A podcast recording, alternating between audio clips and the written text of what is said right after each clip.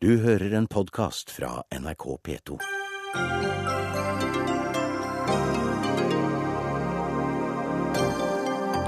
Anders Behring Breivik skriver brev til støttespillere fra fengselscella. Må stoppes, sier Mette Yvonne Larsen. La ham skrive til hvem han vil, mener Jon Christian Elden.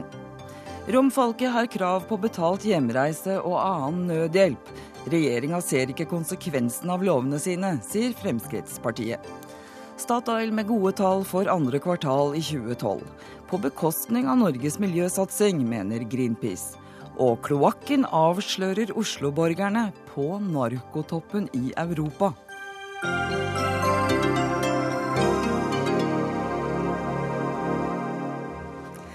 Velkommen til Dagsnytt 18 her i NRK P2 og NRK2. I studio Eva Nordlund.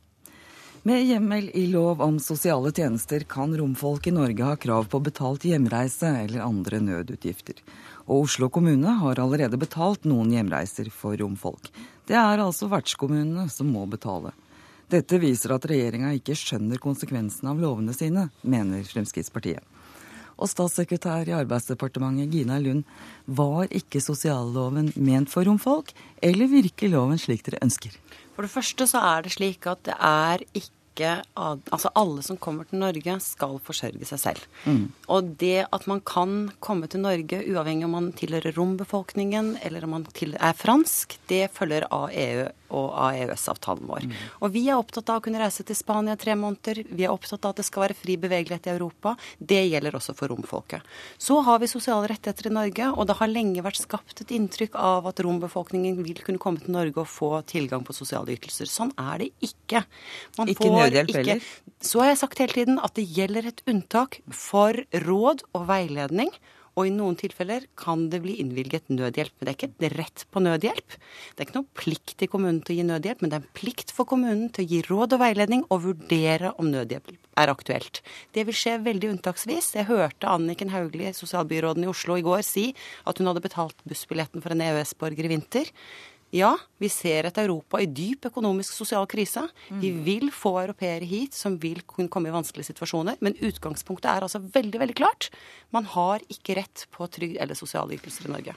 Men for å ta, dvele litt ved nødhjelpen. I, I, hvilke situasjoner kan romfolk og andre europeere ha, ha rett til eller kunne bli innvilga nødhjelp i Norge? Det vil kunne være situasjoner hvor man ikke kan eh, klare sitt eget livsopphold, hvor alle andre muligheter er uttømt. De normale mulighetene som man, ut, som man prøver ut når man tar kontakt med et lokalt Nav-kontor, vil være om man har familie som kan hjelpe en, om man har en ambassade som kan hjelpe en, om man har midler som kan realiseres. Har man en bil, må bilen selges. Har man verdisaker, må de realiseres. Og så vil man i enkelte tilfeller kunne få hjelp til det aller nødvendigste. Man vil kunne få matpenger til å klare seg. Og vi snakker om to til tre dager. Og i enkelte helt spesielle tilfeller så har det vært gitt bistand til at man kan komme hjem. Mm. Men jeg er opptatt av at Fremskrittspartiet, når de nå påstår at Norge blir Europas sosialkontor, tar et stort ansvar. For man gir en illusjon om at man får rettigheter i Norge. Man lar mennesker som er blant de mest diskriminerte folkene i Europa få et bilde av at her kan man komme og få ytelser. Og det er ikke riktig, Per Sandberg. Ja, da har vi introdusert Per Sandberg, som er nestleder i Fremskrittspartiet og leder i justiskomiteen på Stortinget. Da skal du få lov å svare med en gang. Ja, altså, Jeg hører jo det som blir avslutta med fra statssekretæren. Nå er det diskriminering igjen. Eh, og sånn eh, har det vært nå i snart tre uker.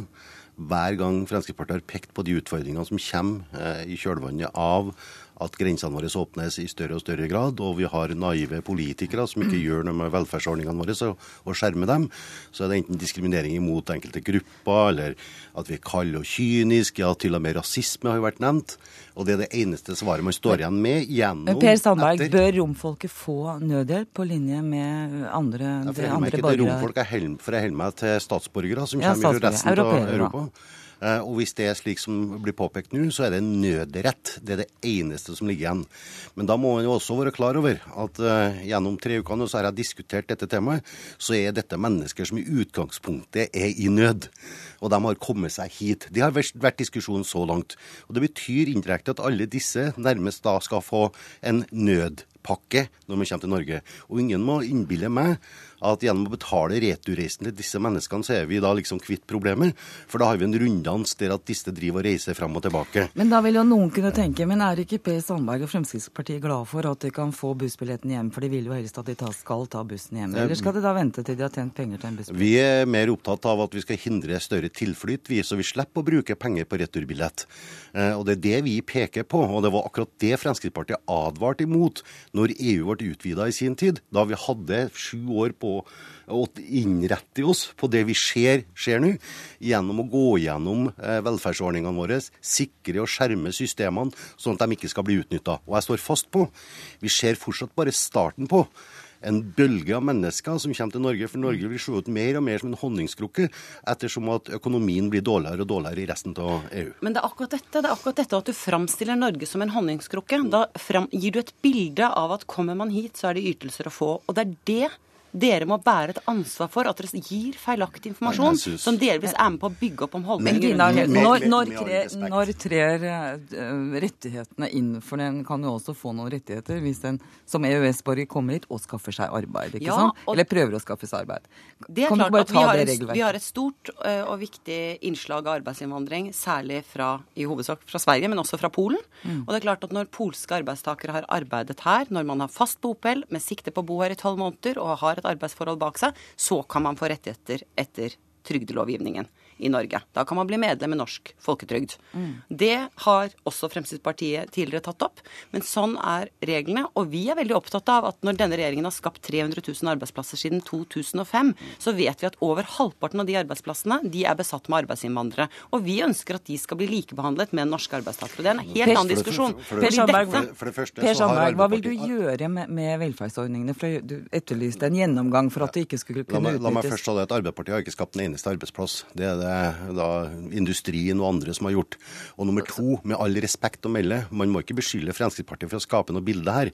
For diskusjonen som har gått i det siste, fra 14. juli og fram til i dag, så har de skapt Ja, sånn du- usikkerhet i forhold til hvilke rettigheter som finnes eh, for eh, borgere fra EU. Og Derfor så har jeg fremmet et forslag i Stortinget.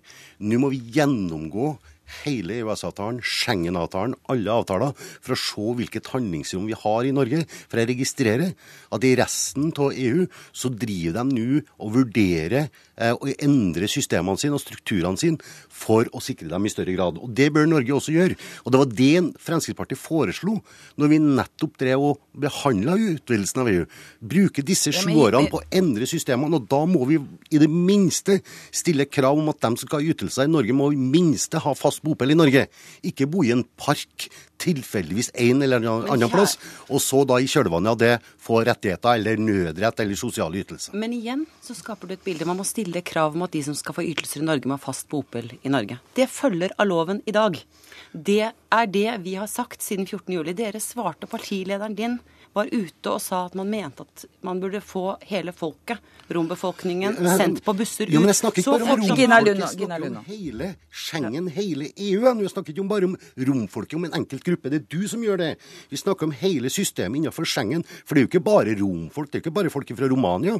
Altså, Vi sender jo ut snart milliarder av kroner også i trygdeytelser fordi at folk har vært der en svipptur og jobba en, en, en hverdag. Så har de rettigheter i Norge. Vi må gå gjennom hele systemet. Det er det Fremskrittspartiet foreslår. Ja, Påstanden om at vi slenger ut milliarder av kroner til borgere som har vært her en svipptur, den har du ikke belegg for, og det er useriøst å hevde det. Det som er situasjonen, er at vi er et land Nå må Gina Lund få snakke ut. Vi er et land som har behov for arbeidskraft. Vi er avhengig av Europa. Vi lever felles i et Europa. Et Europa som er preget av økonomisk krise med store sosiale utfordringer.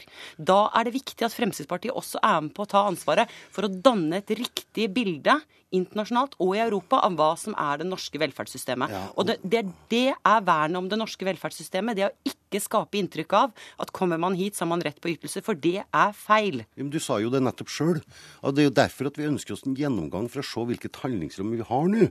For å stoppe lekkasjen av trygdeytelser. Hvilke krav kan vi stille i hele tatt innenfor det avtaleverket som finnes i dag? Men hva mener for du med konkret? Hva mener du med denne lekkasjen? Ja, altså eksport av, trygde, eksport av trygdeytelser. Ja, hva er det? Ja, det er kontantstøtte, barnetrygd, pensjon som eh, pensjonsrettigheter men man opparbeider seg. Og det er klart at det vil utgjøre milliarder på et eller annet tidspunkt hvis vi ikke gjør endringer i dette Men- Og her systemet nå. begynte debatten ved din partifelle som gikk ut og sa at romfolket kan få 14. juli. Romfolket kan få rett til barnetrygd, kontantstøtte, engangsstøtte ved fødsel etc. Siden har man jobbet 14 dager kontinuerlig med å få korrigert det inntrykket, for det er ikke riktig. De ytelsene fordrer medlemskap i norsk folketrygd. Det krever bopel i Norge. Det krever forutgående arbeidsperiode. Ja, og ja. det er det jeg Men- sier. men hvis disse Hvis jeg får jobb-. Hvis disse får jobbe Hvis jeg bare Kan for, jeg bare kan fortsette akkurat det resonnementet. Det er det jeg sier, at vi må ta inn over oss at det Europa vi lever i, det Europa vi er avhengig av, det Europa vi selger til, det Europa vi driver næringsutvikling med, det Europa som gjør at vi kan reise til Spania på ferie, både du og jeg, uten å ha forutgående innreise, at vi har fri bevegelighet i tre måneder, det er et Europa vi ønsker. Så slår vi vern om velferdsytelsene. Vi har nedsatt et utvalg, Brochmann-utvalget, som ser på gjennomgang av velferdsytelsene. Du slår inn åpne dører når du Nei. sier at vi ikke vil se på ytelsene Nei, det gjør jeg aldeles ikke. Fordi at eh, en gjennomgang av Schengen og EØS-avtalen er nødt til å komme for at vi i hele tatt skal få en gjennomgang av trygdeytelsene våre også, og skjerme, Der- dem, vel, skjerme velferdssystemet. Må jeg sette strek? Takk skal dere ha, Per Sandberg fra Fremskrittspartiet og Gina Lund, statssekretær i Arbeidsdepartementet.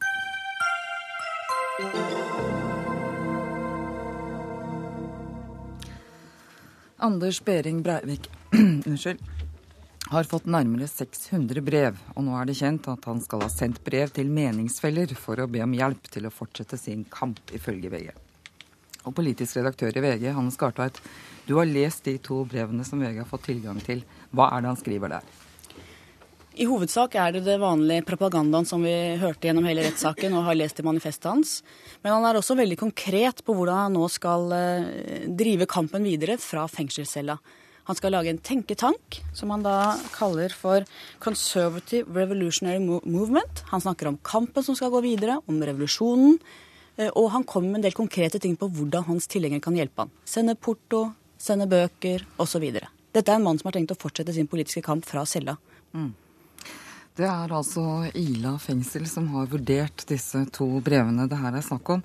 Men eh, avdelingsdirektør for Kriminalomsorgens sentrale forvaltning, Sissel Kofod, det er dere som har hovedansvaret for brevkontroll i fengsel.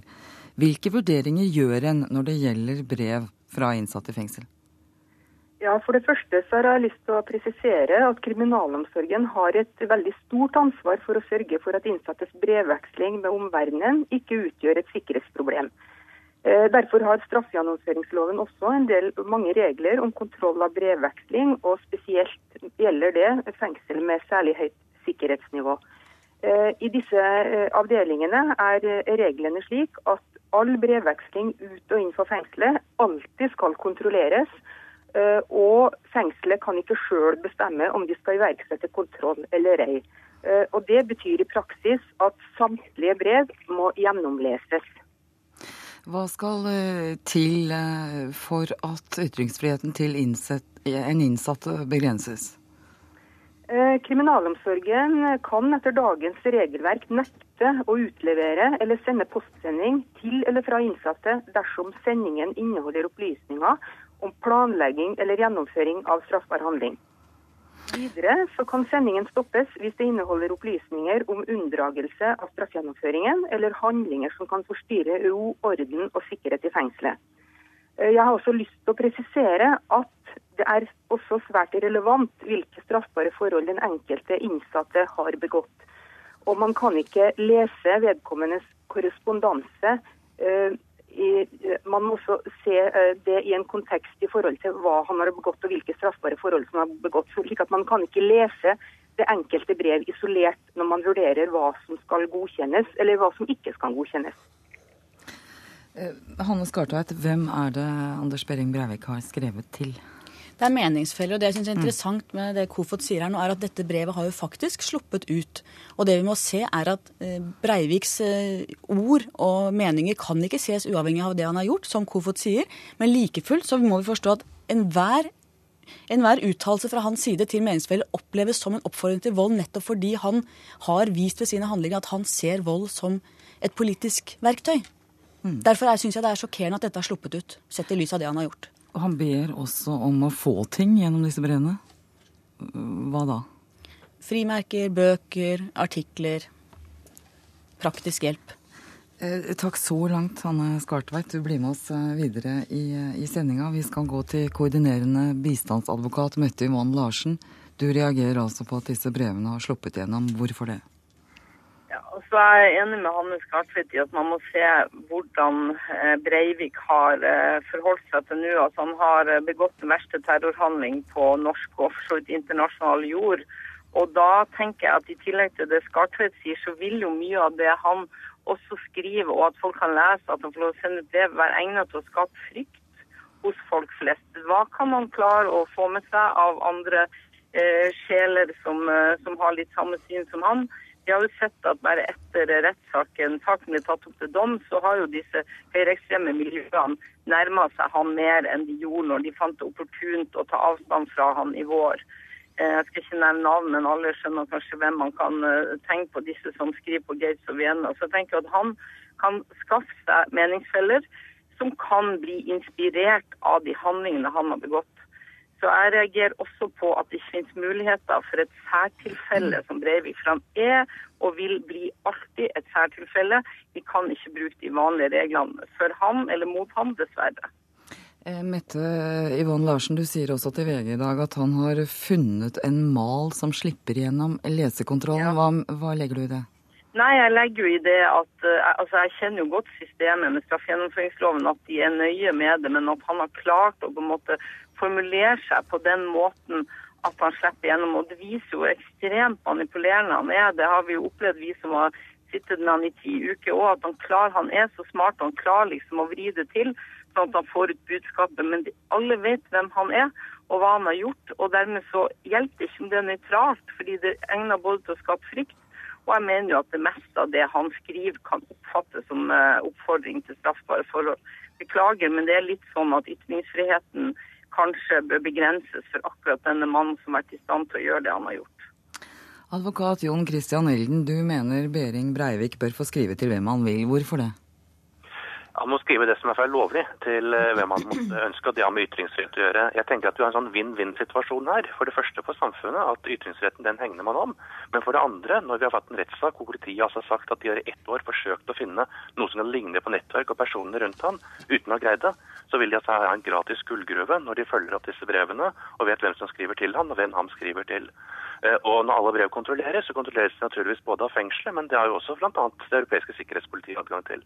Så dette er en vinn-vinn-situasjon for samfunnet, at han får anledning til å kommunisere, og at han får vite hvem han kommuniserer med. Ja, Larsen, er det et poeng? Ja. Jeg må si jeg reagerer på min uh, kjære kollegas uh, språkbruk vinn-vinn-situasjon. Altså, Vi representerer jo både jeg og Jon Christian Elden noen personer som aldri ville tenke i den retning, og som syns dette er ubehagelig, og som opplever frykt og ubehag ved tanke på at han skal fortsette å kommunisere. Og den etterretningsmessige siden av saken den tror jeg er veldig bagatellmessig hva man kan oppnå. Jeg vet at Hanne Skartveit har lest disse brevene. Har PST fått dem? Har, har, har fengselet registrert adressatene? Har de anledning til å varsle det videre? Så det, det har jeg kanskje ikke full oversikt over, men jeg syns ikke det er noe argument som vi kan bære til torgs. Altså. Jeg, er ikke, enig i det at det, har, det skal være noe argument. Men Mette Yvonne Larsen, mener du at Behring Breivik ikke skal få kommunisere med omverdenen i det hele tatt? Ja, Nei, altså dessverre så skal han jo få anledning til det. Jeg må beklage at jeg bruker det ordet. Men, men jeg tenker jo at eh, når kommunikasjon er oppfordringer til at han skal fortsette sin kamp, hva er hans kamp egentlig? Den kampen han har ført til nå, det er jo å drepe folk. Eh, og han skal lage en tenketank. Og han, han, er en inspirator for folk. Det må vi bare innse at han er, og han får sjansen til å inspirere videre. Så jeg mener at han må få kommunisere, men at i den grad han oppfordrer til ting og, og, og presenterer sine planer, så syns jeg ikke han skal få presentere dem i offentligheten. Ja, Elden... Han har forspilt sin sjanse den 22. juli.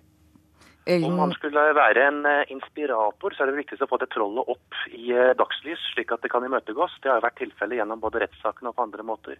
Slik at jeg, jeg frykter ikke eh, at hans meninger og ytringer skal komme ut. Jeg frykter mer at man skal forsøke å skjule dem og la dette være en sånn underskogsdiskusjon hvor altså ingen imøtegår dem, og hvor man kan treffe på sarte sjeler som tenker at nå må vi være under jorden.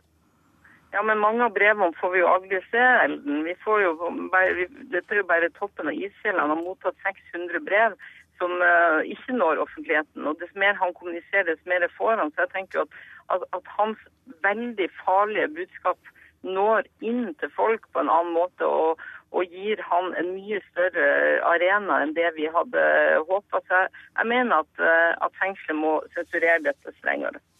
Og Jeg legger til grunn at hvert eneste brev blir lest av sikkerhetspolitiet, og som følger opp med nødvendige skritt for å beskytte tryggheten for oss ute.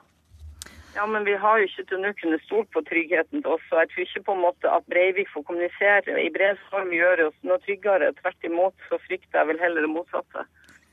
Da skal vi få inn flere her fra studio som kan kaste lys over dette spørsmålet. Advokat og partner i advokatselskapet Wiersholm, Kire Eggen.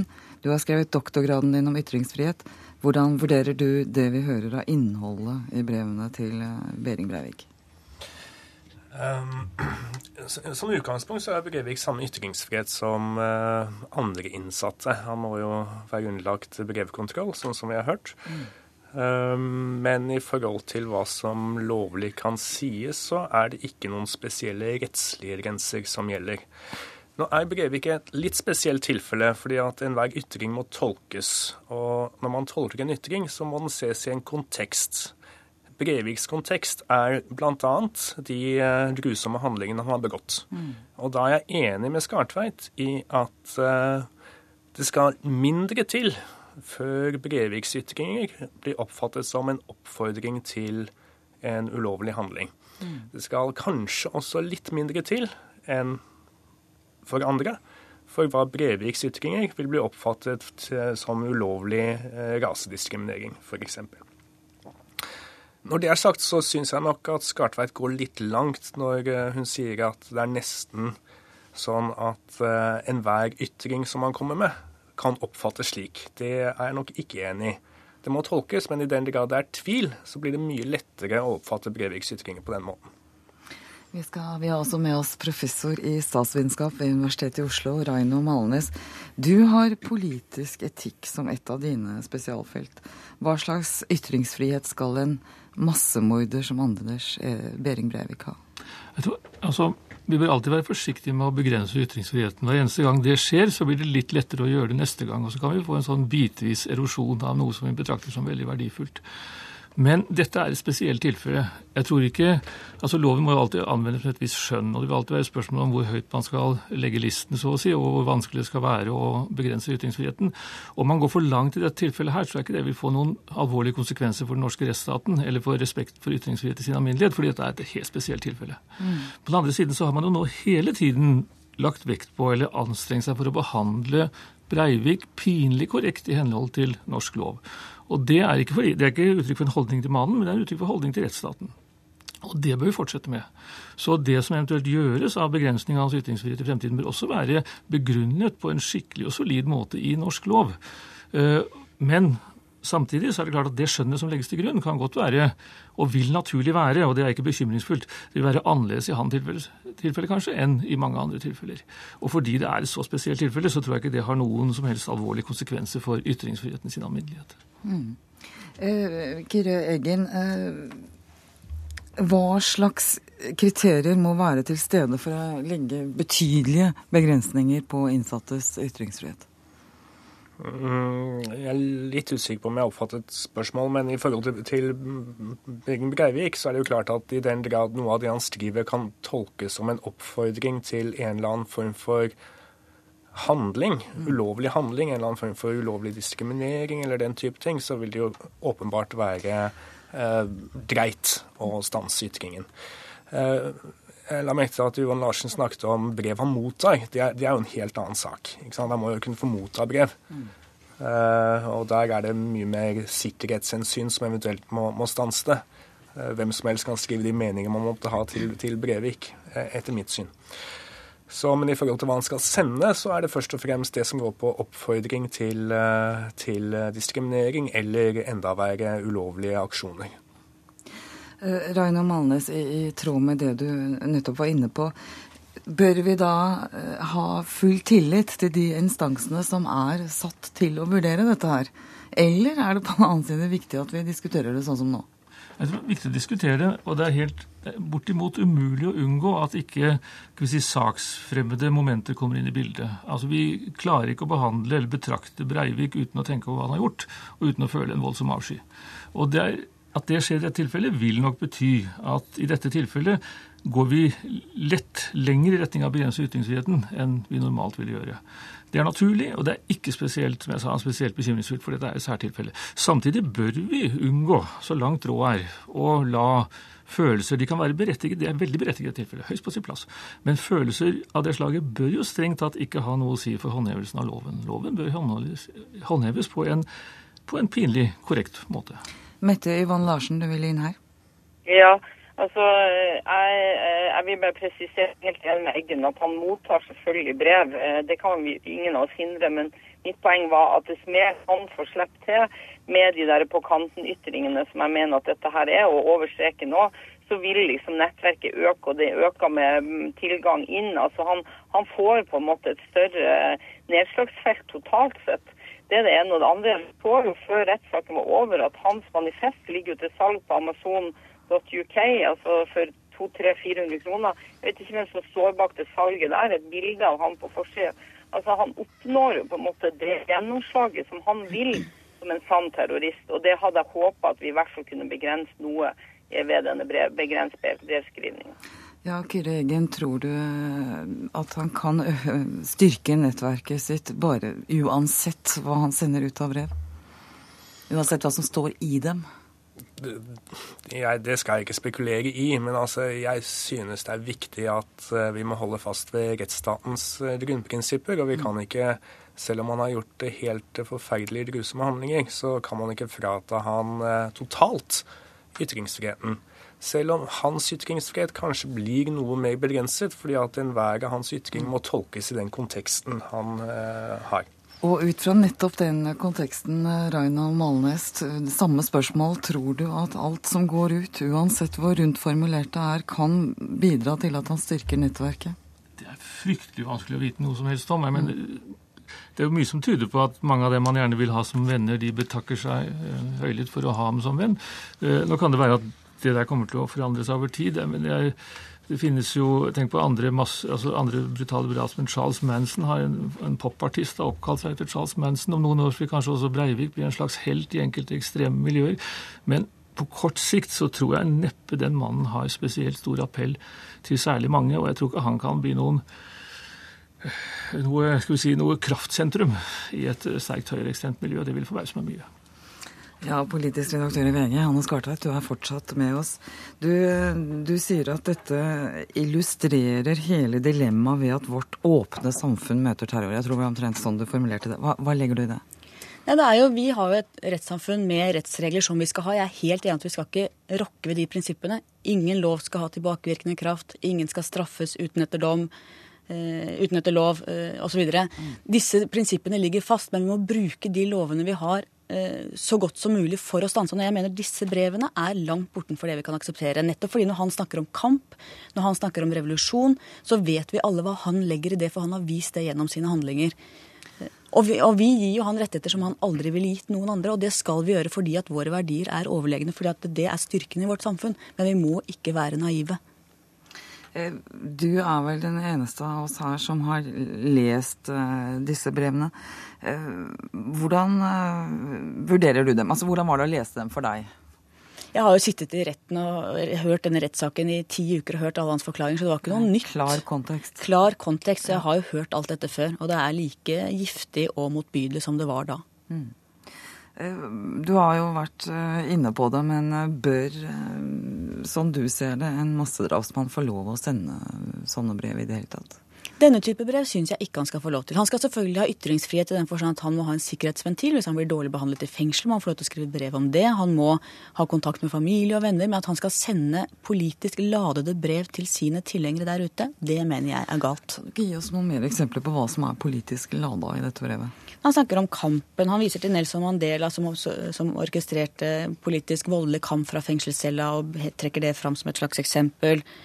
Um, den væpnede fløyen i ANC, ja, eh, kampen mot kulturmarxisme, multikulturalisme Det er disse ordene. Han, han, Mette Yvonne Larsen har rett i det. Han formulerer seg jo taktisk. Han bruker ikke de mest oppfordrende ordene, men vi vet hva som ligger i det fordi vi vet hva han har gjort for å oppnå disse målene før. Og det vil også hans tilhengere oppfatte at dette er en oppfordring til å fortsette hans kamp, og vi ser hvordan han har utført den. Han har altså fått nærmere 600 brev, altså fått 600 brev på, på cella. Er det overraskende at han mottar så mange støtteerklæringer? Vi vet jo at det er mennesker der ute som deler hans syn, og veldig mange av hans meningsfeller tok jo avstand fra hans handlinger. Men det er klart det er Nå er det ikke alt støtteerklæringer, vil jeg tro. Nei da. Eh, men jeg vet ikke om jeg er overrasket. Jeg blir litt resignert og litt eh, ja, lei meg. Mm. Eh, er, er eh, Altså, vi hørte Aiden var inne på dette med at eh, det kunne være fint for PST Eh, og sikkerheten vår generelt, at eh, Anders Behring Breivik får sende brev, for da kan de avdekke nettverket hans. Hva tror du om, om, det? Kan det være en sånn nytte i det? Så vi var inne på det, klart Han må få brev fra hvem han vil, det er ikke det som er problemet. Problemet er de brevene han sender ut. Men, ja. jo, men de han mottar, hvis han mottar fra meningsfeller, så er vel den hensikten oppnådd. Mm. Og når Ellen snakker om at vi må få disse synspunktene ut i det åpne, så er det veldig mange som mener mange av de samme ting som Breivik. Det er ikke deres ytringsfrihet vi snakker om nå, vi snakker om denne spesifikke mannen som har drept 77 mennesker. Takk skal du ha, Hanne Skartveit. Takk til eh, Hvis du har en kort kommentar, skal du få gå inn. Bare veldig kort. og Det er eh, det Skartveit som politiske ytringer. Jeg mm. syns han må jo få lov til å fremme sine politiske ytringer så lenge han gjør det på et generelt nivå. Mm. I den grad han begynner med noe som kan oppfattes som konkrete oppfordringer, er da problemet oppstår. Det sier vel litt også om utfordringene her. Takk skal du ha, Kyrre Eggen. Takk til Jon Christian Øyen, til Mette Ivan Larsen, og takk til Raino Malnes. Hør Dagsnytt 18 når du vil, på nettradio eller som podkast. nrk.no – dagsnytt 18.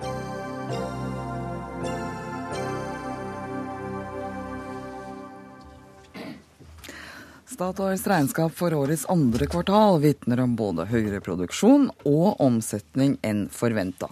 Men driftsoverskuddet er halvannen milliard kroner lavere i år enn på samme tid i fjor. Og konserndirektør for økonomi og finans i Statoil, Torgrim Reitan. Jevnt over skuffende, eller en overskrift på Hegnar Online i dag. Hva sier du til det? Vel, vi er veldig godt fornøyd med det resultatet som vi legger fram i dag. Eh, det ses også igjen på aksjekursutviklingen på selskapet. Gått til værs? Det har gått opp eh, et par prosent. Og vi leverte et justert resultat hvor vi tar vekk engangseffekter som en økning på 5 og det er til tross for at prisene har falt noe. Mm. Og produksjonen vår, som vi følger veldig nøye, den øker med 17% i forhold til fjor. Det er Hvorfor er det gass? Gass er en viktig del ut av økningen. Og så er 2012 et år med en betydelig produksjonsvekst. Og Det som er særlig spennende, det er at vi skal vokse helt fram til 2020. Vi skal produsere mer enn 2,5 million fat per dag. Og dette skal komme fra prosjektene våre. Og vi har 150 prosjekter som vi jobber med. Veldig Ta det god. viktigste. Viktigste, viktigste heter Johan Sverdrup eh, og ligger utenfor Stavanger. Mm. Den skal vi produsere, eh, starte produksjon, eh, mot slutten av dette tiåret. Så det blir en viktig bidragsyter. Så prosjektene våre er viktige fremover. Og så jobber vi godt med leting. Vi har i kvartalet gjort to store funn. Og så langt i år så har vi funnet over 1 milliard fat med olje og gass. Og det er like mye som i hele fjor, og i hele fjor så hadde vi verdens største oljefunn. Så det går eh, bra med Statoil, med prosjektene våre, med eh, letingen vår. Vi finner mye, og det kommer vi til å, å fortsette med. Og så er det én ting til, og det er det at for oss er det viktig at vi bruker ressursene og pengene våre på det som vi er best på.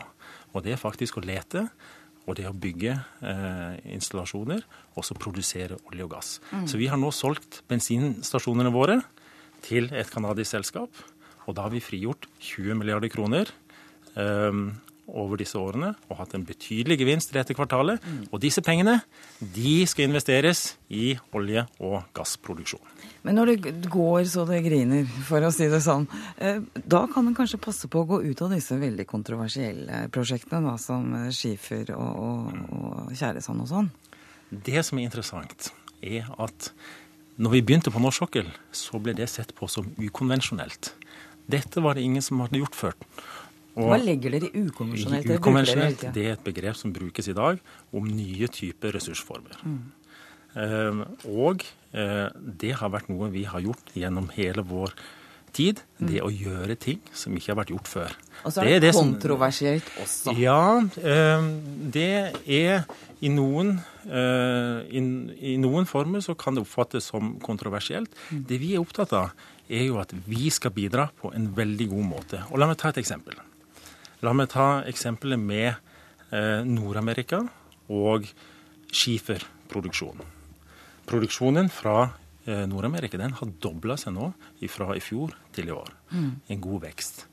Og vi bestemte oss for flere år siden at eh, innenfor dette segmentet så bør vi være med. To grunner til det. Det ene er at dette kommer til å bli en særs viktig del av energisammensetningen i fremtiden. Punkt nummer to, dette er tidlig fase. Dette kommer til å bli mer og mer teknologitungt. Dette kommer til å være et område hvor vi kan utgjøre en stor forskjell. Så vi har sagt dette er stort, her kan vi gjøre en forskjell. Her kan Statoils fotavtrykk synes. eh, Og her kan vi bidra til å gjøre dette bedre enn de andre. Nå tror jeg vi blir helt nødt til å slippe til eh, Truls Gullofsen, som er leder i Greenpeace Norge. For du eh, ikke like, ser ikke like lyst på denne kontroversielle produksjonen. Nei, altså, for det første så er det jo eh, ikke det at man kaller f.eks. kanadisk tjæresand for, for eh, ukonvensjonell som er grunnen til at det er et problem. Grunnen er at man bruker, bruker typisk ti ganger mer CO2, ti ganger mer energi for å utvinne ett fat olje fra kanadisk tjæresand enn det Statoil gjør i Nordsjøen. Det er det som gjør dette kontroversielt. Ikke det at man kaller det ukonvensjonelt. Og dere har ikke vært i stand til å vise, og ser ikke ut til å være i stand til at dere kan gjøre dette noe bedre enn noen andre. Så la oss bare legge det til siden. Og jeg syns programlederen har et veldig godt forslag. Går det bra på norsk sokkel? Hyggelig for dere. Hyggelig for Norge. Ikke bruk penger andre steder. Så kommer vi til det andre. Hele Statoils satsing, nå hvor du jubler over at dere bruker massevis av overskudd fra, fra norsk sokkel på å investere i å finne ny olje og gass andre steder, det er et gigantisk veddemål mot klima. Vet du hvor mange ganger mer olje, kull og gass verden allerede har funnet enn det som vi kan forbrenne innenfor klima, sikre klimagrenser? Nå må Reitan få Cirka svare. tall. Eh, Kom, kom- kom med et tall. Hvor mange ganger mer er allerede funnet? For oss så er klimautfordringen noe som vi tar okay, veldig kom, kom, seriøst. Kan du tallet? Ja, Ja, eller nå nei? må- nå må han få svare. Vi tar klimautfordringen veldig seriøst. Og vi ser på oss sjøl som en del av løsningen, og ikke en del av problemet. Og nå skal jeg gi deg noen, noen eksempler, Gullofsen. Du kjenner til at uh, vår satsing i Canada, den har akkurat starta opp. Og vi rapporterer fortløpende våre forbedringer derfra. Og det kommer til å gjøre. Og vi har nylig blitt kåra til verdens mest åpne selskap av alle selskap i verden. Så dette skal vi fortelle om, og vi har satt oss klare mål for hvordan dette skal se ut, eh, se ut fremover. Og egentlig, canadiske myndigheter de er veldig glad i oss. Eh, De er stolte ut av det vi gjør. De sier at her kommer et selskap som faktisk kan gjøre dette på en annen måte. Og de 15 teknologiene som vi nå kvalifiserer i, eh, i Canada, det har de kvalifisert som forskning. De sier at dette er noe som skal brukes i det videre. Så jeg er veldig stolt ut av det vi gjør i Canada. Og så er det, én ting til jeg har lyst til å si når det kommer til klima. Um, og det er gassen. Gassen er det beste Norge kan gjøre for klimaet i Europa, i USA osv. Det er mye gass tilgjengelig, den er rimelig, og den er mye, mye bedre enn kull. Og nå ser vi at uh, europeiske myndigheter, britiske myndigheter, amerikanske myndigheter kommer tydeligere på denne agendaen. Og et eksempel til. Vi sender norsk gass fra Snøhvit til Asia. Og i Asia vil den fortrenge kullkraft. Det er bra miljø. Ja, gass framfor kull, det er vel bra miljø? Hvis vi er helt sikre på at det erstatter kull, så er det bra miljø. I mange tilfeller så erstatter gass fornybar energi, og det er ikke bra miljø. Men, og Det er hyggelig at du da trekker fram gass, og da syns jeg du på en måte skal ta konsekvensen av at du trekker fram gass, og da slutte med tjæresand. Men igjen, altså svaret på spørsmålet på hvor mange ganger mer ver verdens energiselskaper allerede har funnet enn det som vi kan forbrenne, tallet er fem. Det er allerede funnet fem ganger mer fossile ressurser enn det som verden noensinne kan forbrenne. Så alt Statoil og de andre oljeselskapene investerer i å lete opp og tilgjengeliggjøre nye fossile ressurser, er et gigantisk veddemål mot at vi aldri skal klare å nå nødvendige, ambisiøse og sik relativt sikre klimamål. Og dette sitter du da og skryter av i en uke som har gitt oss historiens største smelting av grønlandsisen. 97% av grønlandsisen er rapportert nå i smeltefase. Vi snakker om en Nordpol som har tapt i løpet av de siste 30 år 75 av sommerisen målt i volum. Vi snakker om den aller, aller verste tørkene i USA på årevis. Som endelig heldigvis begynner å vekke en viss klimaopinion. Og så skryter dere at dere har funnet mer olje og gass. Forferdelig. Klimautfordringen er vi nødt til å ta svært svært seriøst. Og da og ønsker jeg Statoil på laget. Gjør, og, og, du har Statoil på laget. Vi har akkurat ferdigstilt 88 vindmøller utenfor England. Det skal produsere elektrisitet til 250 husstander i England. Den er i gang. Gassen vår produserer Vi har produsert svært mye gass dette kvartalet. Det er med til å bedre klimaet og bedre konkurransekraften for, for, gass. Og vi tar dette dødsseriøst. Vi er en del av løsningen. Vi er ikke en del av problemet. Vi må sette strekk der etter denne appellen fra Torgrim Reitan i Statoil, og takk til deg, Truls Gullafsen i Greenpeace.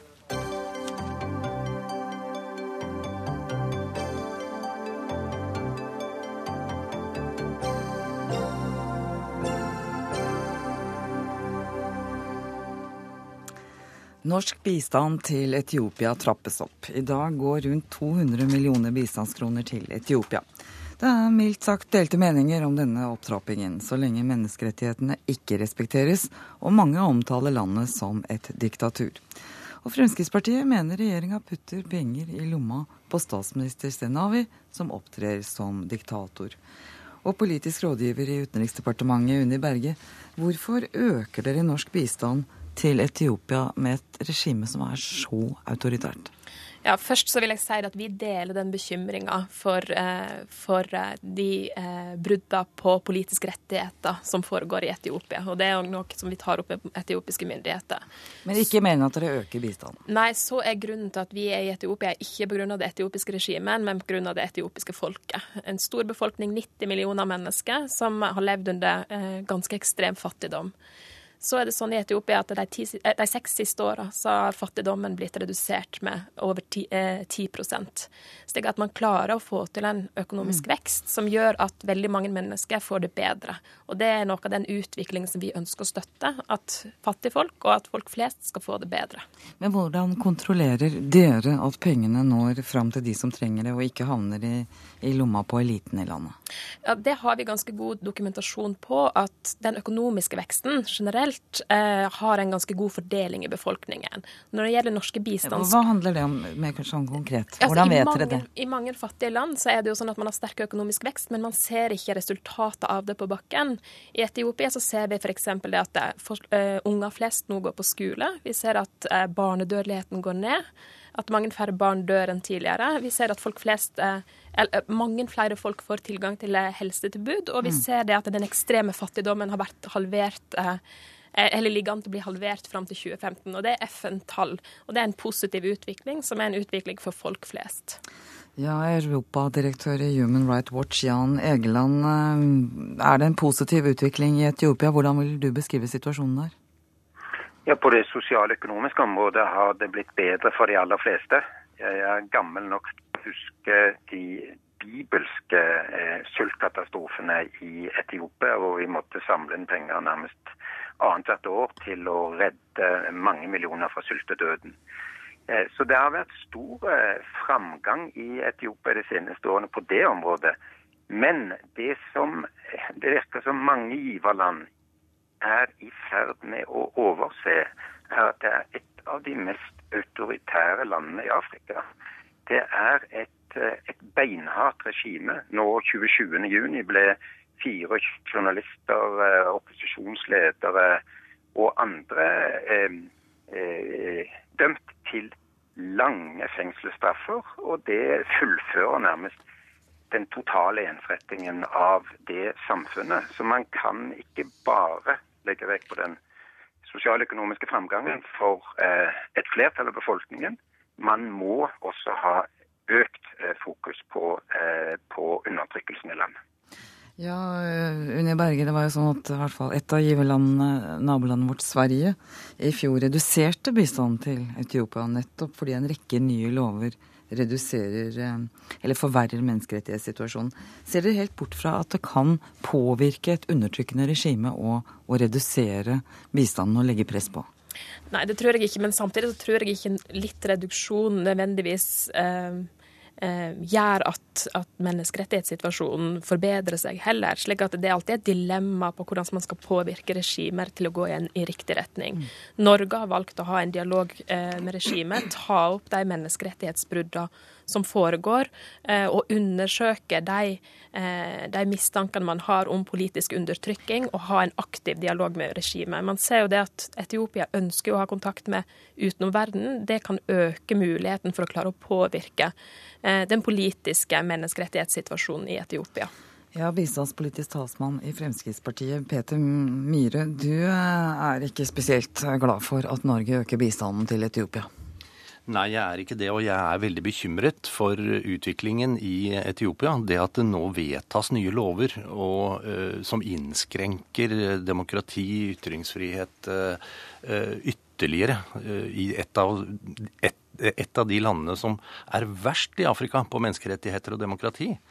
Det er grunn til å, å, å bekymre seg over. Og den hjelpen som den norske regjeringen nå øker, den det er altså den beste gaven Senavi-diktaturet kan få. På hvilken eh, måte? Jo, det sikrer Det er jo, som både Berge og Egeland har vært inne på, det har vært en økonomisk utvikling. Den kommer riktignok først og fremst en bitte liten elite til gode i kretsen rundt Zenawi. Eh, men eh, det å eh, få en økonomisk utvikling i et slikt land som dette, det, det, trygger på en måte diktaturet. Og dette er altså et av de verste landene i Afrika. Og konkurransen om den tittelen, den, den, er beinhard. Dette er et knallhardt diktatur. Det er en systematisk undertrykkelse. Det finnes ikke rettssikkerhet. Det er feng vilkårlige fengslinger på rekke og rad. Og den dialogen som den norske regjeringen har hatt med Senavi om dette, den har altså åpenbart ikke virket. For å bare si én liten ting til, og det er at eh, jeg er bekymret også over altså Etiopia hadde jo 17 år lang borgerkrig på slutten av forrige århundre. Hvis Etiopia, altså et, Situasjonen i Etiopia ligner i dag, syns jeg, ganske mye på situasjonen i Syria for noen måneder og år siden. Hvis vi nå får en Eh, hvis nå dette eh, utarter seg, og vi får en regulær borgerkrig i Etiopia, Afrikas nest folkerikeste land, så, eh, så, så, vil den norske regjeringen ha mye å svare for når det gjelder hjelpen til Senawi-diktaturet. Unni Berge. Ja, For det første så er det sånn at regjeringa er også bekymra for menneskerettighetssituasjonen. Og det er jo òg noe av grunnen til at 50% av alle asylsøknader Eh, som blir behandla i Norge, blir innvilga fra Etiopia. Og med den bekymringen som Frp uttrykker, så håper jeg i hvert fall at vi kan ha støtte om den asylpolitikken vi da fører. Så er det sånn at vår bistand går ikke til å støtte Zenawi-regimet. Det går til konkrete bistandstiltak for å gjøre hverdagen for folk fattige, og fattige bedre. For eksempel i Etiopia er den aller viktigste næringen det er jordbruket. Og det å sørge for at jordbruket blir tilpassa til fremtidens klimaendringer, som fattige land er svært sårbare for, det vil være svært viktig for folk flest. Et annet tiltak vi støtter, er kampen mot kjønnslemlestelse av jenter. Da snakker ikke vi om en politisk elite rundt Senavi. Vi snakker om folk flest og fattige mm. folk flest for at de skal få det bedre. Og det er viktig for at man skal skape utvikling og bekjempe fattigdom i Afrika. Jan Egeland, hva mener du er den største utfordringen for at norsk bistand skal lykkes i Etiopia? Den største utfordringen det er at eh, regimet har så eh, har kontroll med all internasjonal bistand til landet. Altså det, er, det er ikke mulig å drive bistand uten at det går gjennom eh, ulike regimekontrollerte eller tilknyttede organisasjoner. Disse når jo en masse økonomiske og sosiale mål. Og, det er ikke riktig som Myhre sier at det først og fremst er folk tilknyttet regimet som uh, får framgang. Et flertall av befolkningen får framgang.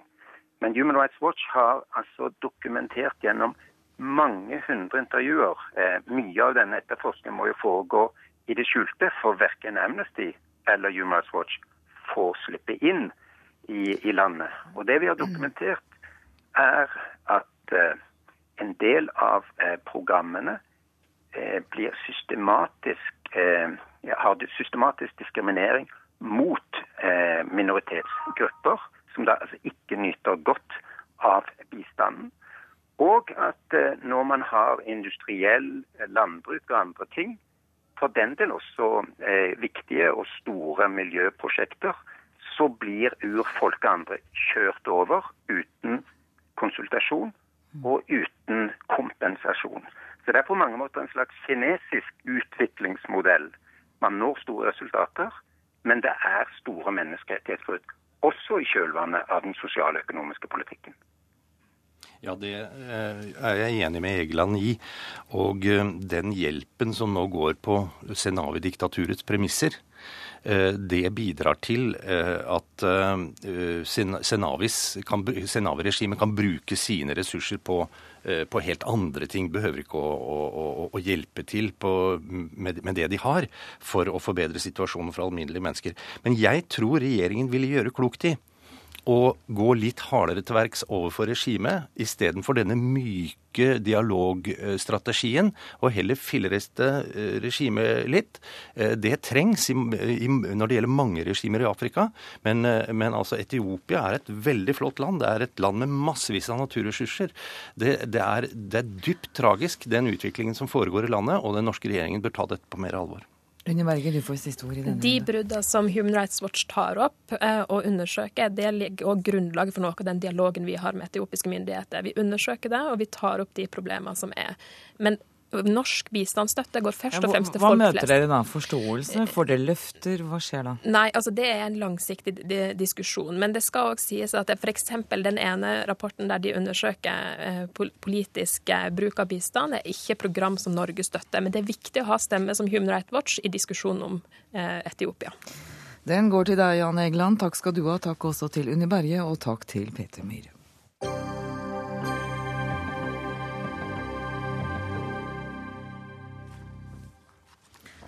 Oslo er på narkotoppen i Europa. Det viser nye funn i grunnvannet. Og forsker ved Norsk institutt for vannforskning, Kevin Thomas, du er ansvarlig for disse funnene. Hva har dere funnet av narkotika i grunnvannet i Oslo helt konkret? Um, at Oslo har tredje høyest forbruk av metamfetamin per innbygger. Og at uh, Oslo-folk bruker relativt lite kokain sammenlignet med andre europeiske byer. Og i tillegg at uh, totalt kokainforbruk i Europa som helhet er beregnet til rundt 350 kg per dag. En gang til. Per dag? Per dag, ja. Du, hvordan, hva gjør dere når dere finner dette her? Er, det det kloakken? I kloakken, ja. I prinsipp tar vi en stor urinprøver som er representativ av eh, hele befolkning, f.eks. For, for Oslo. Hvordan finner dere ut hva som er hva da? Hva, hva som er metamfetamin, og hva som er kokain, og hva som er andre ting? Vi tar prøver fra en renseanlegg, f.eks. VS eller Bekkelegget her i byen. Mm. Og eh, de prøvene hentes tilbake til eh, våre laboratorier i, på Forskningsparken, og de er analysert for veldig spesifikk eh, stoff. Og de metoder som vi bruker, de er standardisert, de er validert og interkalibrert med de andre eh, som jobber med denne type ting. Mm. Så vi er veldig uh, sikre i de uh, tallene som vi har. Så, så, gjør dere det på samme måte som det ble gjort i andre europeiske hovedsteder, altså? Det ja, det var akkurat samme måte. Mm. Så vi, um, vi brukte en uh, et, um, metode som var harmonisert over alle de forskjellige laboratorier. Og uh, vi kjørte en um, interkalibreringsrunde. Og, og, Hva er det for noe interkalibrering? Alle analysere de samme prøver til, mm. til, å se hvis det er akkurat samme tallene som de får. Og de sammenligner veldig godt. På toppen ligger Helsingfors, Helsingfors, og Åbo, to Åbo, ja. finske byer. Og så kommer Norge. Var dette overraskende for, for deg? Nei, for um, vi har målt uh, metamfetamin på veldig høye konsentrasjoner i uh, Oslo før. Og hvis man går inn til de uh, spørreundersøkelsetallene, det ofte finnes at metanfetaminforbruk metamfetaminforbruk i Norge er ganske høy. Mm. Da skal vi ønske deg velkommen, Liliana Bax. Du er eh, avdelingsdirektør ved Norsk folkehelseinstitutt. Eh, hva skjer med et menneske som går på metamfetamin? Ja, det, man kan jo liksom det som skjer med en gang, at man får en veldig sånn eh, god følelse. Man blir veldig aktiv og veldig pratsom. Og, og eh, det som kan være problemer, det er jo at man får litt sånn dårlig vurderingsevne. Man blir veldig impulsiv, man har veldig lyst til å gjøre alt. Veldig høy selvfølelse. Um, og etter hvert så taper seg rusen, kan jo være noen timer. Og når den taper seg, så, så ser man at man, får, man blir mer sløv, mer trøtt. Um, man pleier å bruke mange doser uh, sammenhengende, så man går liksom på kjøret en stund, og så til slutt blir man veldig sliten.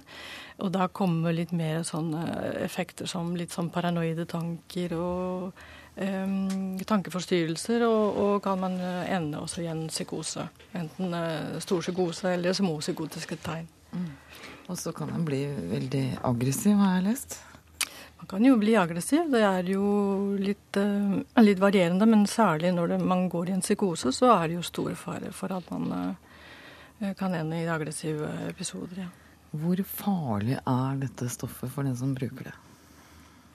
Farlig, det, farligste er jo absolutt de følgene som har for uh, også psykiatriske følgene. Mm. Ved, ved gjentatt bruk så, så, er jo på en måte den største fare det er det psykiatri. Det er jo psykosene og vedvarende depresjoner og angst. Um, av kroppslige farer så er jo både slag og hjerteinfarkt. Ikke så uvanlig, det skjer jo. Um, det er jo nok, og selvfølgelig avhengighet. Det er en veldig avhengighetsskapende stoff. Mm. Ja, Børge Erdal, du er seksjonsleder i uteseksjonen i Oslo kommune. Eh, vi hører om denne aggressiviteten og, og, andre ting med de som går på dette stoffet. Hvordan har dere sett dette? I, I, starten for noen år siden så var vi obs på metamfetamin eh, i stor grad fordi vi visste om det fra utlandet. Eh, når vi oppdaget første gangen at det ble rapportert fra brukere at det var metamfetamin, så ble vi òg gjort oppmerksom på av Kripos faktisk, at um, veldig mye av den amfetaminen som ble omsatt i Oslo eh, på gata, faktisk var metamfetamin. Slik at uh, vi hadde vel ble vel klar over det at på gata, som òg den artikkelen i VG i dag sier, så, så er det metamfetamin. Amfetamin blir solgt som amfetamin. Eh, så du kan få det uten å vite at det er det du får, rett og slett? Ja. Mm, på gata? Ja. På gata så, så blir det lite grad etterspurt metamfetamin. Eh, og amfetamin som blir solgt, eh, mm. er nok ofte er Kanskje oftere enn det er amfetamin, så er det metamfetamin. Mm. Er dette stoffet knytta til noen spesielle miljøer, eller betyr det du nå nettopp sa, at du finner det over hele byen, for å si det sånn?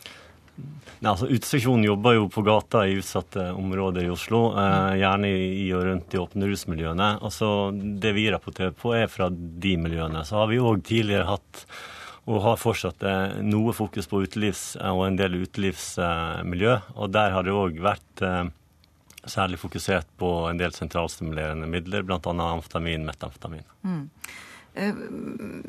Vet vi noe om altså Er dette ting, stoff som lages i Norge, eller smugles det inn?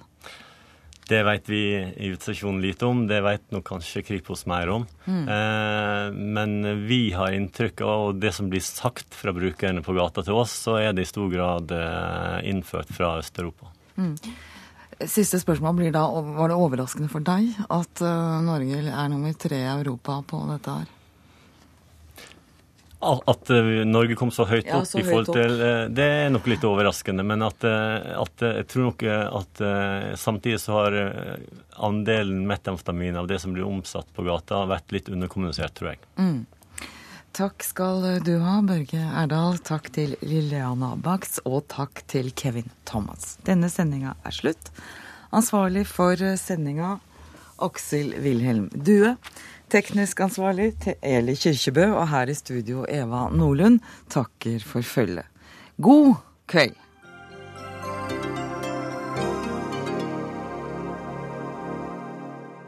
Du har hørt en podkast fra NRK P2.